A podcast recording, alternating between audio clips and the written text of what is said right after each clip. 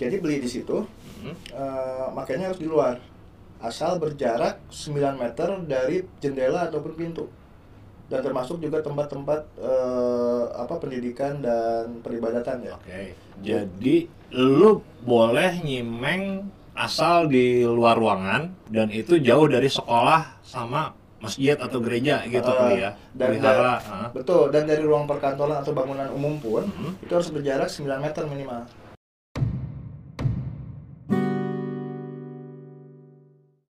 Teman-teman, selamat ketemu kembali. Salam. Selamat, tapi ketemu kembali mana besok aneh. Iya, selamat ketemu kembali. Ya, bersama saya Patri Handoyo untuk uh, Indonesia tanpa stigma. Kali ini saya ditemani sama uh, Ripe. Ya. Panggilannya Ripe, Ripe. Tapi nama asli lu siapa sih? Arif Iriawan. Oh, Arif Aryawan. Oke. Jadi gini teman-teman. Nah, kan sejak eh, dua dekade lah ya, dua dekade terakhir ini ini udah banyak negara-negara yang meresmikan konsumsi ganja untuk eh, pribadi gitu. Hmm. Dan ganja itu udah banyak selain dipakai untuk medis gitu ya sebagai obat juga bisa dipakai sebagai eh, sarana rekreasi. Itu layaknya kita beli kayak kalau di sini di Indo itu beli minuman beralkohol di toko-toko tertentu gitu. Nah, Ripe ini baru balik dari Montreal, Kanada. Kanada itu 2018 ya, Hmm. mulai meresmikan ganja untuk rekreasi. Kalau untuk medis mereka udah lama setahu saya gitu. Nah, kayaknya nah, tanpa berlama-lama eh, saya akan nanya-nanya nih sama Ripe yang baru balik dari sana dan dia sempat nyimeng secara legal ya di sana ya. Iya. Iya. Coba Pe, ceritain Pe, kayak gimana sih? Eh, gini, saya waktu 2020 awal sebelum zamannya lockdown banyak itu, Pandemi ya. ah, sempat ke Wina Austria Oh. gitu. Di sana itu ada banyak toko ganja gitu, namanya CBD shop, Hmm. CBD. Hmm.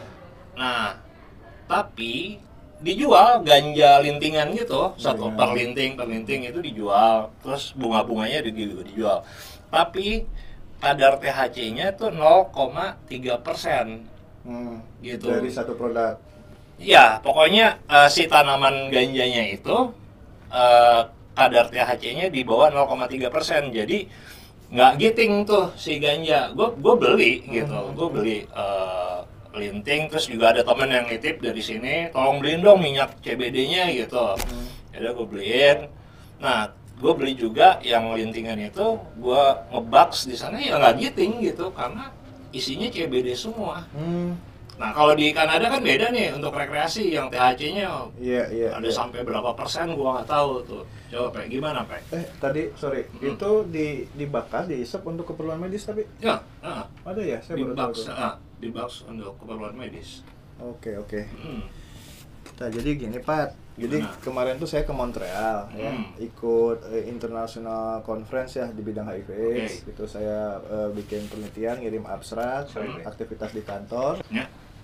Ya, Eh, ya, saya ke sana, Hmm. presentasi penelitian, Hmm. aktivitas program di kantor tentang LSM, terus saya Hmm. berangkat aja ya, Hmm. karena dapat beasiswa pergi ke sana.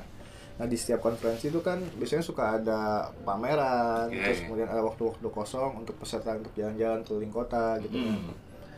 Nah saya eh, pada suatu pagi, Hmm. jadi jarak dari tempat saya menginap ke konferensi itu dua setengah kilometer lah. Oke, Saya jadi jalan- lu jalan kaki atau naik kereta? kaki, jalan kaki. Dua setengah kilo ya? Di sana ya cukup ramah lah untuk pejalan Oke, kaki sip. gitu. Hmm. eh di suatu toko ada tokonya eh, ini saya Nanti tampilin gambarnya ya? oh nanti gambarnya bisa Ah, ditampilin ya ah. gitu jadi tokonya itu hanya tertulis lambang toko Hmm. lambang toko terus kemudian pintu kaca Mhm. kelihatan dari luar sih hanya security aja yang jaga Oke. Gitu. Hmm. saya waktu itu sebenarnya nggak nyari ini Hmm. nyari colokan casan buat HP Ah. yang bisa Oke, masuk oke, di sana Nah, kalau di Wina Nah, itu ada gambar daun ganjanya si Hmm. tokonya gitu dan ada tulisannya CBD shop gitu Hmm. Kalau itu cuma logo toko ya Iya, logo nggak ada toko, gambar daun singkongnya ya Nggak ada. oh, oke seperti sip itu. sip sip nah Gitu. terus terus saya nanya-nanya ngobrol-ngobrol sama satpam sama yang Hmm. antri ini ngapain sih gitu ya Hmm. ternyata mereka eh, belum buka itu Ah. udah pada antri tuh Oh, iya? pagi-pagi ah ya Oke. ada sekitar eh, 5 sampai 8 orang Oke. gitu Ah, ah. Terus ya udah saya pergilah ke conference pas Hmm. pulangnya saya pengen tahu dong penasaran Hmm, hmm, saya masuklah ke situ hmm. yang pertama ditanya itu ya identitas Iya. ya identitas terus kemudian batas minimalnya berapa sih 18 oh 18 oke Ah, saya nunjukin paspor kan Mhm. gitu. terus ya udah eh, security-nya meskipun serem tapi ramah gitu kan masuk kayak satpam biasa gitu? Eh, lebih serem lagi lebih gede lagi. Oh gitu? Ramahnya? Hah, ramahnya ya dari ekspresinya Ah. gitu. Jadi eh, apa namanya mempersilakannya oke. Ya ramah lah. Ya nggak ada rasa-rasa curiga oke gitu. iya iya iya. Eh, kayaknya dia pun mungkin udah ter apa pelatih terlatih gitu ya Hmm. bahwa ini tuh produknya apa Oke. mungkin ya dan Ah, ah. kliennya seperti apa. Ah, ah. nah ketika masuk itu Hmm, pintu terpisah hmm, nggak kelihatan dari luar. Hmm. itu etalasenya saya ma- sama kayak toko HP kalau di sini lah banyak etalase etalase Hmm. berbagai jenisnya ada apa aja gitu. Nah kenapa saya ke situ? Pertama eh, saya dasari sama pemahaman saya tentang drugs nih. Ah, saya pakai referensinya WHO tahun 82 dua, gitu. iya. jadi eh, drug itu semua zat Hmm, ya. kecuali kecuali makanan, air oksigen Ah, yang masuk ke dalam tubuh itu mempengaruhi SSP susunan saraf pusat Pusat. gitu. Eh. Eh, mempengaruhi fisik dan psikis dan menurut saya berarti ini sama aja dong kayak ini kopi Ah, ada kafeinnya Oh ya, ini kopi eh, namanya kopi rindu. Oh. Ini bisa didapetin di Grab dan Shopee. oh gitu Gitu. Ketika aja kedai rindu. kadar Gitu. eh, eh, kadar kafeinnya Hah, gua nggak tahu nih kadar kafeinnya nggak ditulis. Coba tolong ya, eh, Dokter Hendro ini ditulis kadar kafeinnya berapa berapa. Lu beli di mana, Pak? Ini di Jalan Otista, namanya kedai rindu. Gitu. Bandung ya? Otista Bandung. Oke. Gitu. Oke, eh, lanjut. Pasti. Lanjut lagi. jadi sekarang ini kita sedang mengkonsumsi drugs jenis kafein Yes. yang Oke. fungsinya stimulan ke susunan saraf jadi kita rada Hmm. semangat lah ya Hmm. dengan minum kopi ini Hmm. nah ya sama jadi menurut saya pun dengan perspektif itu Hmm. ini juga drug isinya nikotin, Nikotin. ada tarnya, Ah. terus kemudian ada cukainya, ada pajaknya, Yes. terus eh, dibatasi eh, pembelinya dan juga tempatnya mungkin ya, Oke. tempat penggunaannya. Nah, kan bedanya gini. Eh, gua, sorry ya, gue potong. Hmm. Ini kan ini obat rekreasional, drugs rekreasional. Bedanya ada cukainya. Ya. Kalau obat obat Hmm. itu nggak ada cukainya, Hmm. iya kan? Hmm, hmm. Kayak misalnya lo beli eh, apa eh, Suboxone gitu, Suboxone. nggak ada cukainya. Nah, juga tapi ada iya ada HET-nya pasti kan Hmm. harga eceran tertinggi itu bedanya narkoba rekreasional sama narkoba medis Hmm, saya baru perhatiin tuh. lanjut Pak Siap. Nah, saya belilah hmm. Jadi harganya itu sekitar macam-macam nih. Misalnya mau pilih eh, apa? Indica oke atau Sativa Ah. atau kombinasinya. Ah. Terus setiap produk kombinasi itu ada nama-namanya sendiri nih. Hmm. macam-macam lah ya Macam-macam. ya. ada hash apa gitu ya ada the purple Iya, ini saya beli eh, Green Organic Dutchman. Mungkin oke kesukaan orang-orang Belanda kali ya.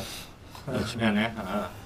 Nah, eh, di sini waktu pas beli itu ngobrol eh, pertama dari mana, terus kemudian eh, sering nggak pakai, Ah. eh, kapan terakhir pakai. Hmm. Jadi eh, dia juga memperhatikan untuk saya Hmm. yang udah eh, udah lama ataupun baru pakai itu, Mhm. dia eh, kasih rekomendasi sebaiknya yang ini aja. Ah, Oke, oke. Jadi lu ada konsultasinya dulu tuh Iya. sama si pramuniaganya. nggak konsultasi Ya, juga ngobrol sih, lah. ngobrol Ah, santai ah. gitu oh terus jadi bisa kita nanya ini apa oh Hmm. ini eh, sativa eh, Hmm. dari sini ini eh, indica bedanya Yes. apa gitu yang satu downer yang satu Ah, apa gitu Oke. kan Ah. terus eh, kadarnya juga eh, beda-beda ya kadar THC-nya Hmm. ada yang kandung kadar apa namanya CBD-nya juga. Hmm. Ketika saya nanya yang CBD-nya aja, oh di sini eh, khusus yang rekreasional.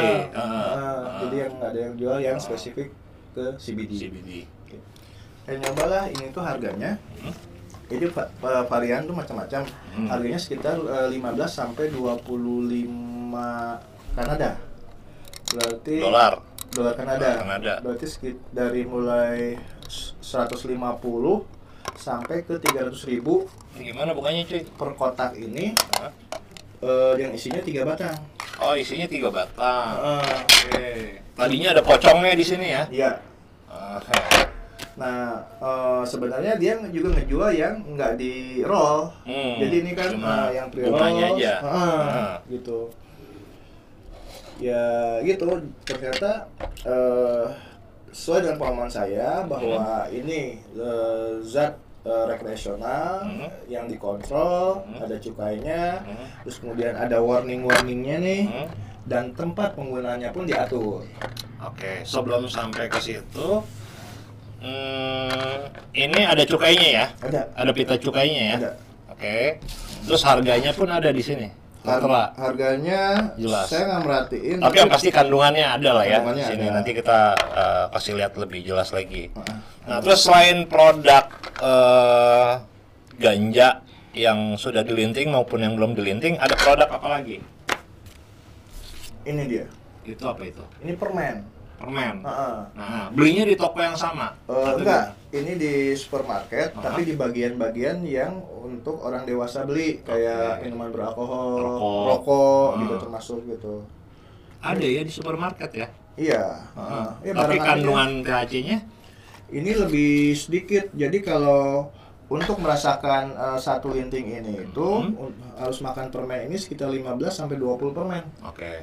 Tapi ini ada cukai cuy, cukainya juga nih cuy. Ada Ya kan? kayaknya juga. Nah, artinya obat rekreasional.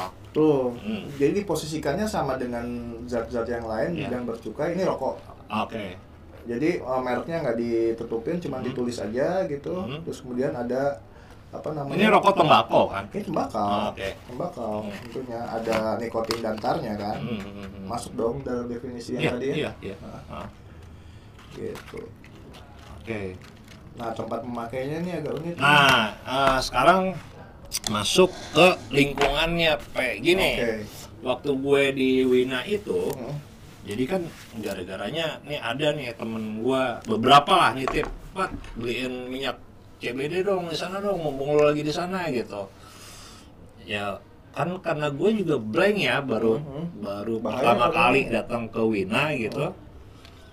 Ya gue mengandalkan Google Map dong. Hmm. Ya, gue ketik di sana. Ada. Ada. Nah, eh, CBD shop itu di Google Map Hmm. itu ada. Ya gue jadi tinggal jalan aja kan, tinggal ngikutin itu atau naik kereta gitu. Hmm. Nah, kalau itu gimana yang di Montreal? Eh, itu lokasinya di pusat pertokoan. Jadi kiri kanan itu toko-toko, supermarket, minimarket, gitu, kafe-kafe gitu. Hmm. Jadi beli di situ, hmm, eh, makanya harus di luar. Oke. Dan eh, maksudnya di luar ini, Ah. di sekitar area mana pun itu di kota Hmm. itu bisa asal berjarak 9 meter dari jendela ataupun pintu. Dan termasuk juga tempat-tempat eh, apa pendidikan dan peribadatan ya, Oke. gitu. Ah. Jadi lu boleh nyimeng asal di luar ruangan Mm. gitu dan itu jauh dari sekolah sama masjid atau gereja gitu Ah, kali ya dan- pelihara ah. Betul, dan dari ruang perkantoran atau bangunan umum pun Hmm. itu harus berjarak 9 meter minimal.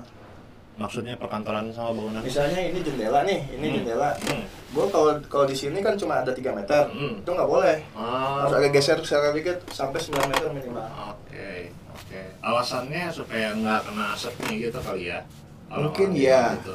Tapi gue melihat juga di sana ada eh, himbauan Hmm. untuk menjauh eh, tentang rokok dan juga produk-produk berasap itu, Hmm. jadi disamaratakan. Hmm. Jadi ada nih di depan kantor nih, Hmm. ada eh, rambu gitu ya, oke Eh, rokok dicoret, Hmm. elektrik Strip sigaret gitu, dicoret, Ah. terus eh, lintingan ganja dicoret, Hmm. Eh, jarak da- kalau mau jarak 9 meter dari tempat ini.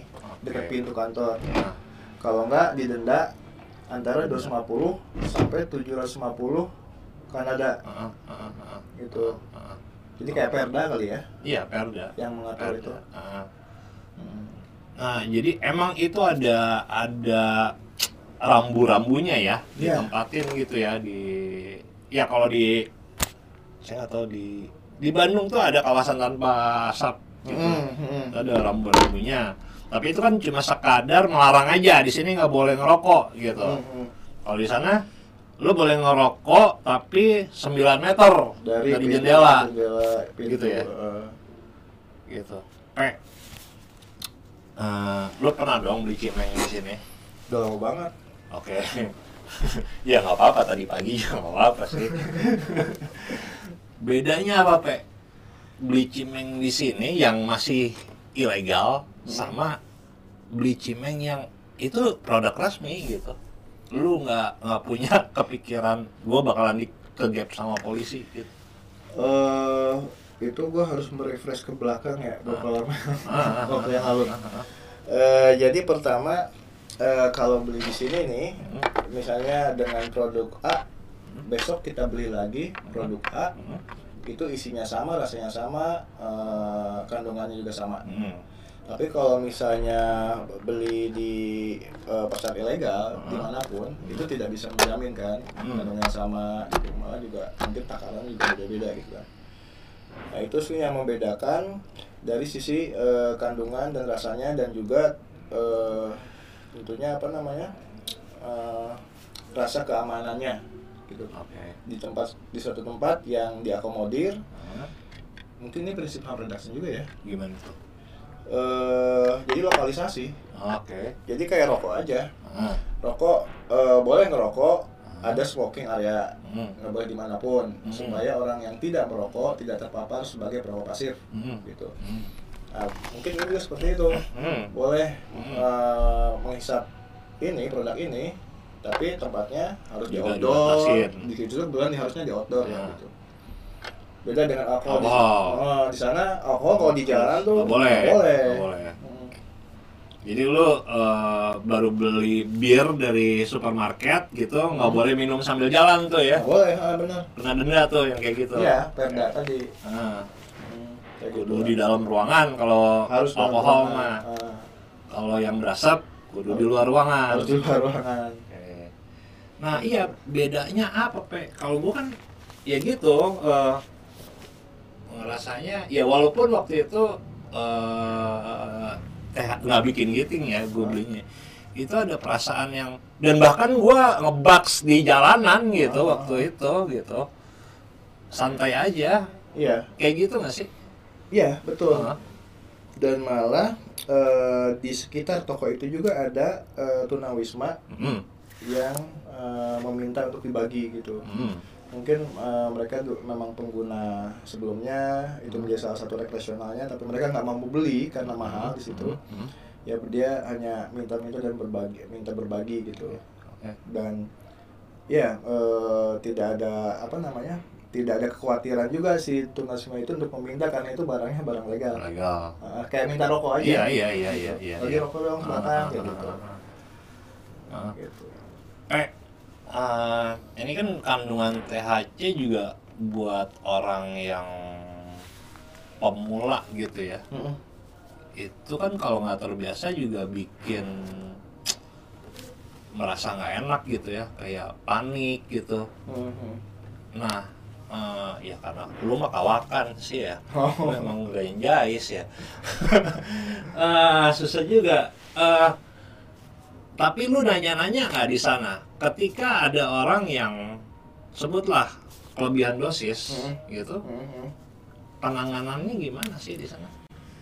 eh waktu itu sih ya Hah? jadi ada teman dari beberapa negara misalnya saya beli yang ini Ah, terus teman lain ada yang beli yang saat, eh, gede banget ukurannya oke. gitu Ah, dan kita diskusi ngobrol-ngobrol nih memang eh, nggak ada penanganan yang gue tahu di sana Hmm. langsung cara itu tapi ketika mereka udah melihat oh ini tinggi banget nih kayaknya Hmm. nggak sekarang deh oke. atau nanti aja deh ini mah kalau ada obrolan soal itu ya. ada obrolan seenggaknya untuk pencegahan Hmm. jadi ketika mereka melihat kadarnya berapa, terus di situ juga ada tulisan eh, saat satu produk ini Hmm. tidak untuk dihabiskan oleh satu orang. Oh, ada ya? Yang gede itu segede Ada ya? suatu. Oke, oke, oke, oke. Bukan yang di sini. yang Iya, iya, iya, iya.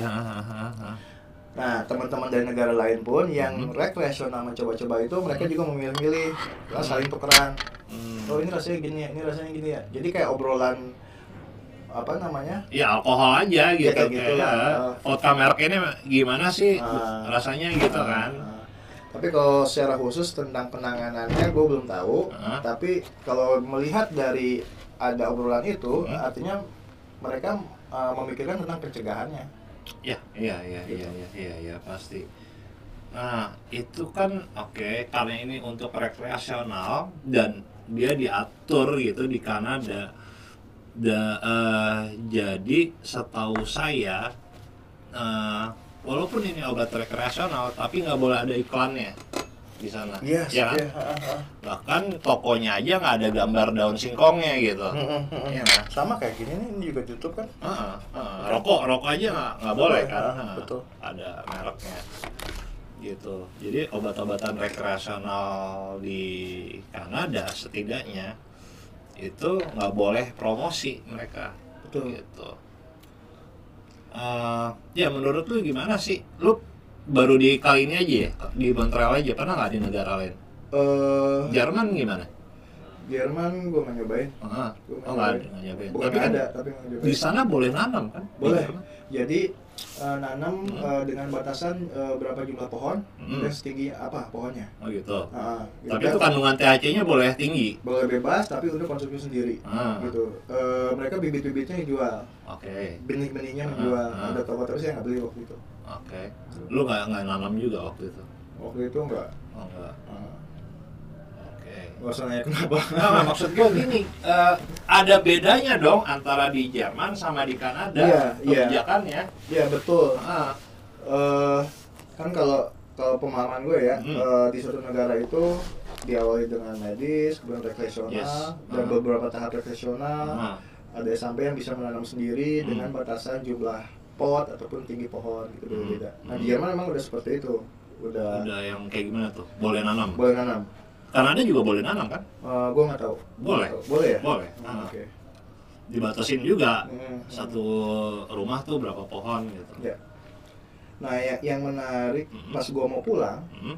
di bandara kepulangan Hmm. itu ada ada pengumuman lagi tuh himbauan lagi tuh di Hmm. antrian Hmm.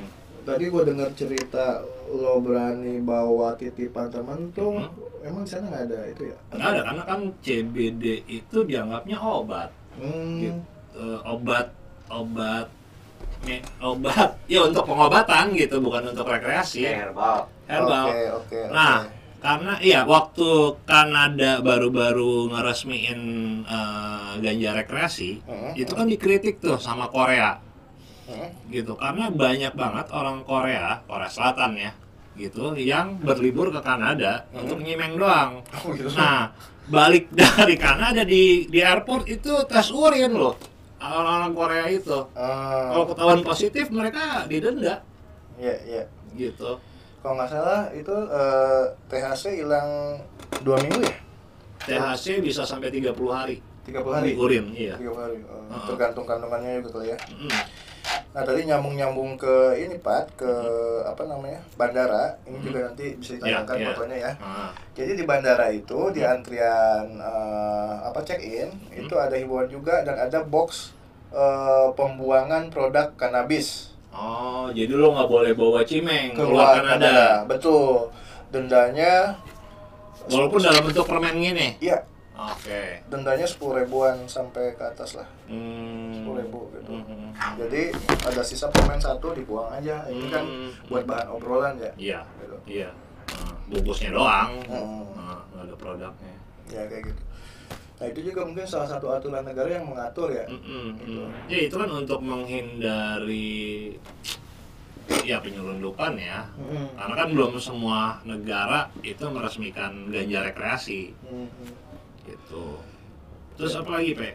Nah itu kan konferensi di Kanada saya datangin itu di, di berbagai negara ya tadi ya. Hmm. Ada yang memang peneliti-peneliti yang pengen nyoba doang. Hmm. keunikan eh, di suatu kota salah satu tentang produk ini. Hmm, hmm. Terus eh, yang jadi bahan obrolan adalah ternyata produk ilegalnya pun masih ada Oh iya, Hah, di Montreal itu di Montreal. masih ada yang jualan cimeng ilegal. Masih ada. Hah? Yang disebut ilegal ini nggak ada Hmm. cukainya. Oke. Jadi kayak Oh, jadi lebih murah ya? betul.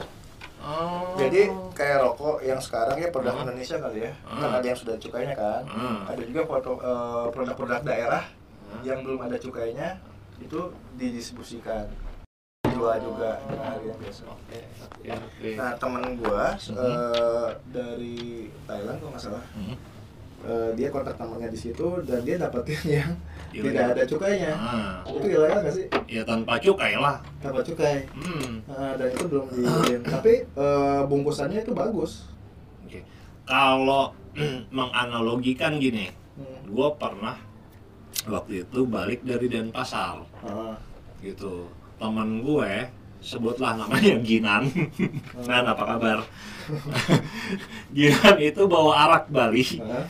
Bawa arak Oh iya. eh, pakai botol air mineral Ah. gitu. Sementara gue beli arak Bali yang ada cukainya Iya, gitu. iya.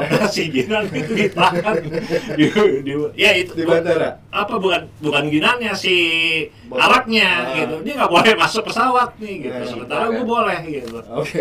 kayak gitu gak sih Mungkin kayak gitu ya. Ah. Ah, ada yang terdaftar, terregistrasi, Hmm. ya kayak apa? Kalau di sini mah ada cukai eh ya cukai mungkin Iya, sama iya, ya. mungkin kayak gitu Iya, ya mungkin ya. Iya, betul betul. Ah. Seperti itu.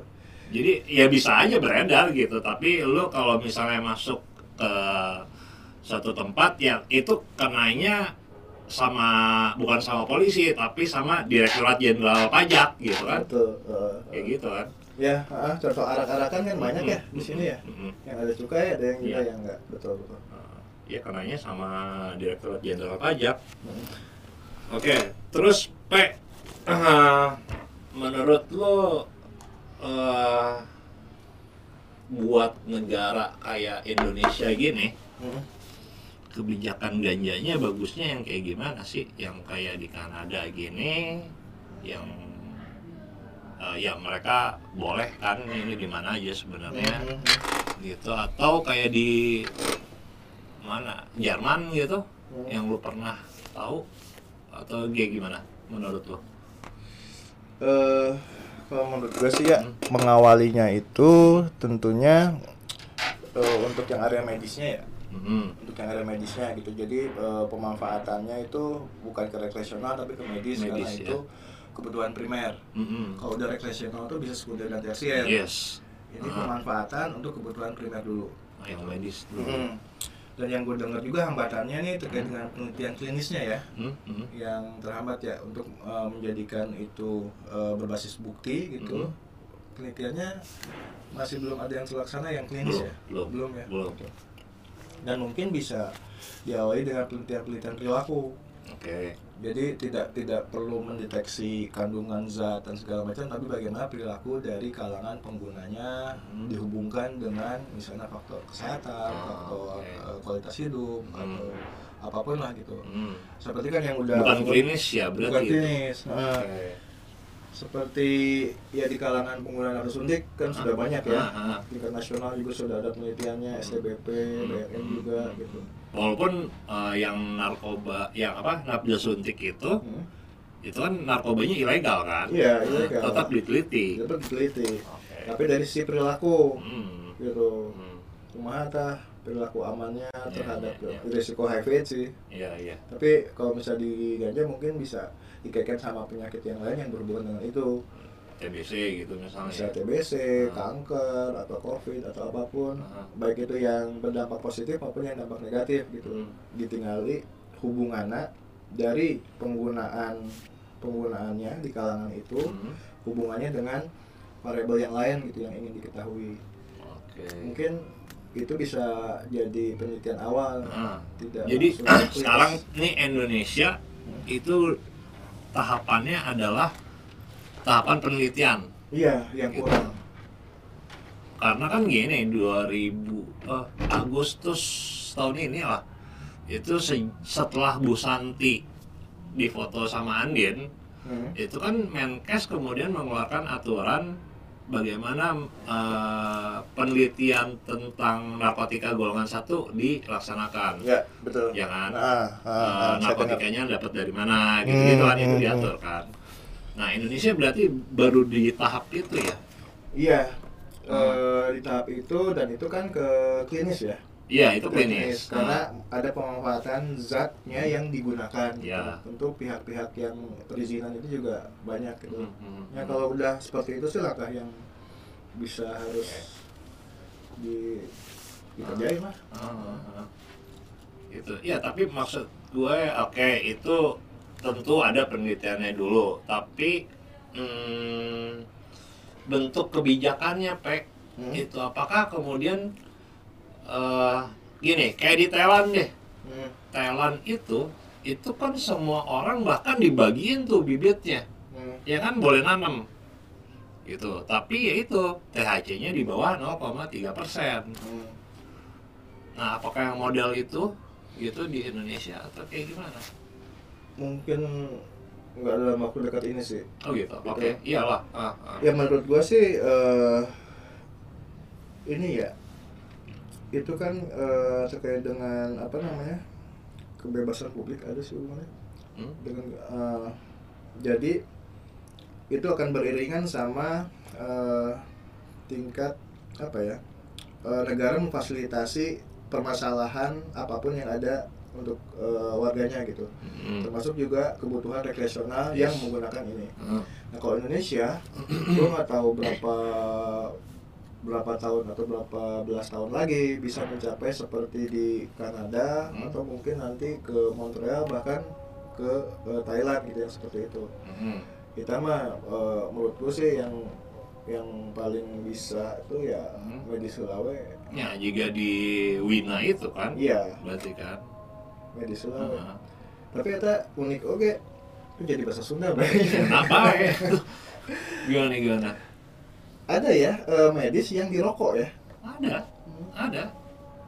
Karena kan gini, eh, kebanyakan pasien itu melaporkan kayak misalnya pasien kanker ya, pasien kanker lu daripada kalau pakai obat yang tablet Hmm. yang isinya THC itu hmm.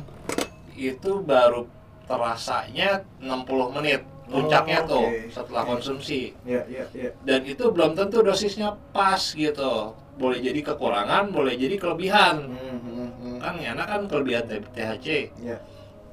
kalau di box itu si konsumen bisa langsung ngerasain kan Iya, kalau misalnya iya, udah iya. cukup ya udah matiin aja gitu Oh, ada batasan juga kalau udah cukup matiin.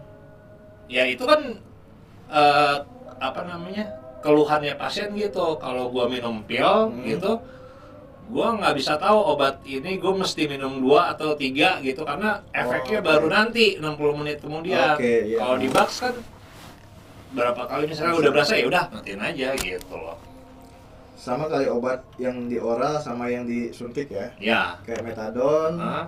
yang baru berapa lama kemudian Hah? atau yang disuntikin. suntikin iya iya iya ya kan itu tingkat kepatuhannya lebih tinggi ya kalau dibaca di jurnal-jurnal kan lebih tinggi opioid eh, maintenance terapi yang di oral. yang disuntik Yang disuntik. iya heeh. Itu masalahnya ada sisi ritualnya. Oke nya, udah. iya iya Suntiknya itu Iya, yang mereka pengen itu, ya. heeh. Nah, dan kecepatan efek kan langsung berasa mungkin yang mengkonsumsi ini pun Mhm. Yang oral Mhm. itu juga ter- kalangan tertentu ya Hmm. yang nggak buru-buru pengen iya wah ya gitu iya, iya, buat iya, santai iya, aja iya. iya kayak gitu tadi Nah, Terus apa lagi Pe yang bisa lo sampein ke teman-teman penonton kita nih? ah Lah, ini gue lihat dari beberapa dokumentasi. Eh, yang yang gue takjub itu eh, dari rapu-rapu yang ada gitu Pat ya. Hmm. Jadi kayak gini nih misalnya. Hmm. Ini rokok elektronik Oke. segala macam itu Ah. mereka tuh eh, posisinya disamaratakan si Oke. produk-produk ini tuh. Nah, Mau itu produk Rokok ganja, elektronik, rokok elektronik atau rokok biasa, mereka disamaratakan posisinya. Hmm. Gitu, tidak ada stigma terhadap produk tertentu. Hmm. Terus kemudian eh, diatur dengan satu perda yang sama dan aturan sama Hmm. 9 meter dari pintu Hmm, hmm, gitu. hmm, hmm. itu juga menurut gua itu suatu hal yang menarik ya Yes. Eh, berbeda-beda kandungannya Hmm. tapi ada asap-asapnya Hmm. dari situlah dipertimbangkan untuk Kesehatan masyarakatnya. kesehatan masyarakatnya supaya yang eh, apa Nah. yang pasif Ah. tidak terpapar Ya. gitu nah itu dia bentuk yang ini yang gua yang menarik buat gua nih mereka disamaratakan Hmm. Hmm. Terus apa lagi kira-kira yang bisa dipelajari dari sana?